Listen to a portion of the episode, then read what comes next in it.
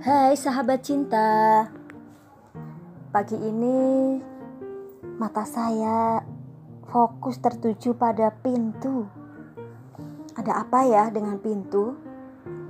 Secara sudah hampir enam pekan pintu rumah saya lebih banyak tertutupnya hmm.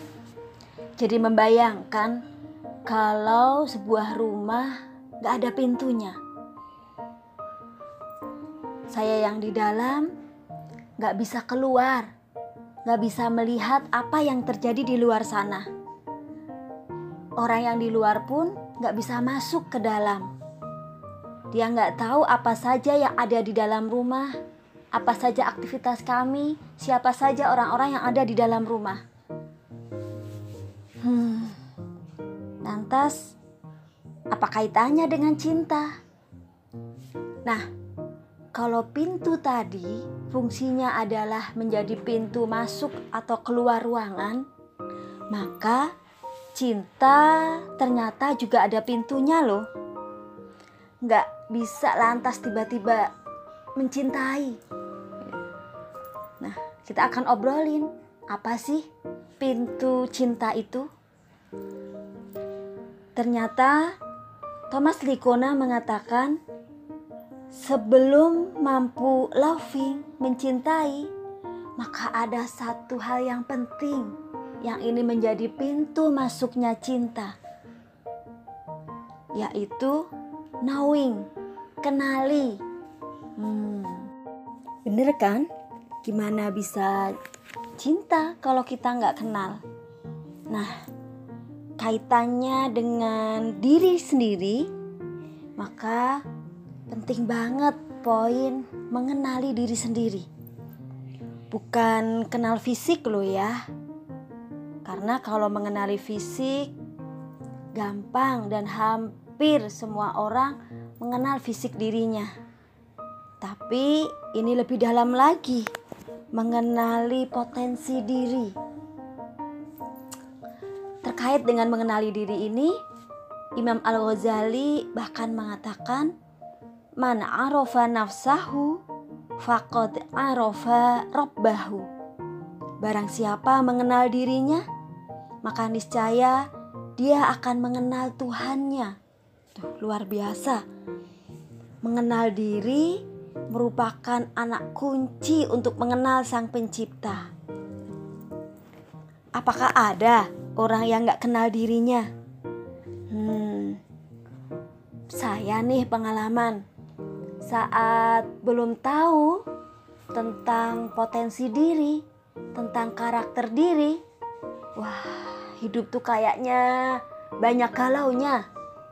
Ibaratnya kita mau pergi, ditanya, eh mau pergi ke mana? Nggak ngerti tujuannya. Akhirnya linglung deh di jalan. Bingung memilih kendaraan mana. Mau milih jalan ke arah mana. Jadi Mengenali diri ini adalah modal pertama untuk meraih semua keinginan. Kenalilah diri agar mampu mengenali titik awal perjalanan menuju cita-cita yang sudah kita rancang panjang. Terkait dengan pengenalan diri, Al-Mawardi mengklasifikasikan manusia menjadi empat tipe. Yang pertama adalah rojulun yadri wa yadri annahu yadri. Orang yang memiliki pengetahuan dan mengetahui bahwa dirinya tahu. Tipe yang kedua, rajulun yadri wala yadri annahu yadri. Orang yang memiliki pengetahuan tapi nggak tahu bahwa dirinya tahu. Tipe yang ketiga, rajulun la yadri wa yadri annahu la yadri. Orang yang tidak memiliki pengetahuan dan dia tidak tahu kalau dirinya nggak tahu. Dan yang keempat, rojulun la yadri wa la yadri annahu la yadri. Orang yang tidak punya pengetahuan tapi dia tidak tahu bahwa dirinya itu nggak tahu. Dengan kata lain, Ada orang yang tahu potensi diri dan tahu bagaimana cara mengoptimalkannya. Ada yang hanya tahu potensi diri, tapi tidak tahu cara mengoptimalkannya. Ada yang tidak tahu potensi diri, tapi tahu cara menemukannya, dan ada yang tidak tahu potensi diri, dia juga tidak tahu cara menemukannya. Nah, sahabat cinta, pertanyaan berikutnya: bagaimana cara mengenali potensi atau karakter diri? Banyak metode saat ini.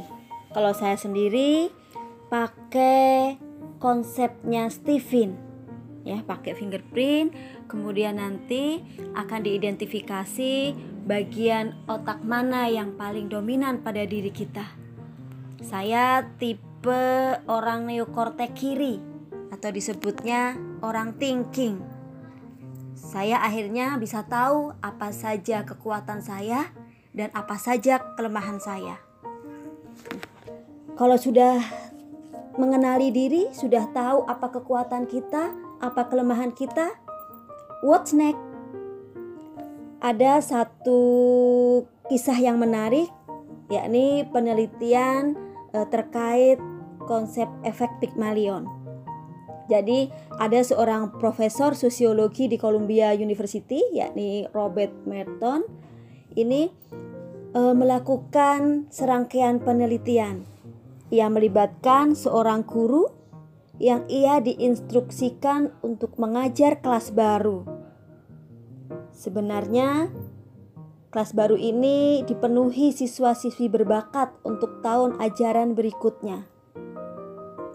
Tapi ada satu hal yang tidak diketahui oleh sang guru, bahwa murid-murid tersebut punya skor IQ yang rendah. Mereka juga punya masalah dengan perilaku. Saat sang guru mulai mengajar, para siswa mulai berperilaku buruk. Mereka tidak mau belajar dan sulit sekali memberikan respon. Tapi karena guru tersebut begitu yakin bahwa IQ murid-muridnya tinggi, ia berpikir bukan para murid yang bermasalah, tapi dirinya sendiri. Akhirnya, Alih-alih menyalahkan para siswa, sang guru justru mengevaluasi teknik mengajarnya. Ia berpikir, barangkali cara mengajarnya terlalu membosankan dan tidak cukup menarik bagi murid-muridnya yang jenius itu. Akhirnya ia mulai melakukan eksperimen dan mengubah caranya mengajar. Guru ini mulai menyemangati, membangkitkan rasa ingin tahu, memberikan tantangan kepada para siswanya dengan beragam permainan dan aktivitas. Ia membina dan memperlakukan mereka semua seperti siswa berbakat. Saat para murid merasakan perlakuan yang berbeda, respon mereka terhadap pelajaran pun semakin positif. Pada akhir tahun ajaran, nilai akademis para siswa melonjak sangat tinggi. Dan yang lebih mengejutkan lagi, ketika mereka diuji ulang, IQ mereka rata-rata mengalami peningkatan 20 sampai 30 poin. Nah, guru tadi telah berhasil menciptakan siswa-siswa berbakat dalam arti sebenarnya. Hanya karena dia yakin murid-muridnya adalah siswa-siswa berbakat. Inilah efek Pygmalion, bahwa pikiran positif akan melahirkan harapan positif, dan harapan positif akan melahirkan karya yang positif. So, kalau kita sudah mengetahui kekuatan dan kelemahan diri kita, fokuslah pada kekuatan diri kita karena fokus ini akan melahirkan kreativitas. Kalau sudah kreatif, gimana? Ada kisah yang menarik tentang seorang anak yang percaya bahwa binatang itu cuma ada dua, yakni kucing dan anjing. Alhasil, saat guru sekolahnya bertanya, "Sebutkan binatang yang ada di muka bumi selain anjing." anak tadi hanya menyebut satu binatang. Kucing, Bu. Karena ingin mendapatkan nama binatang lain, sang guru mengganti pertanyaan. Sebutkan binatang yang huruf depannya M. Murid itu menjawab, "Mungkin kucing, Bu." Mulai merasa kesal, sang guru mengganti lagi pertanyaannya. Sebutkan binatang yang huruf depannya B. Kali ini sang murid menjawab, "Boleh jadi kucing, Bu." Tak tahan dengan kelakuan muridnya, sang guru marah dan mengatakan, "Sekarang tidak boleh lagi menjawab kucing."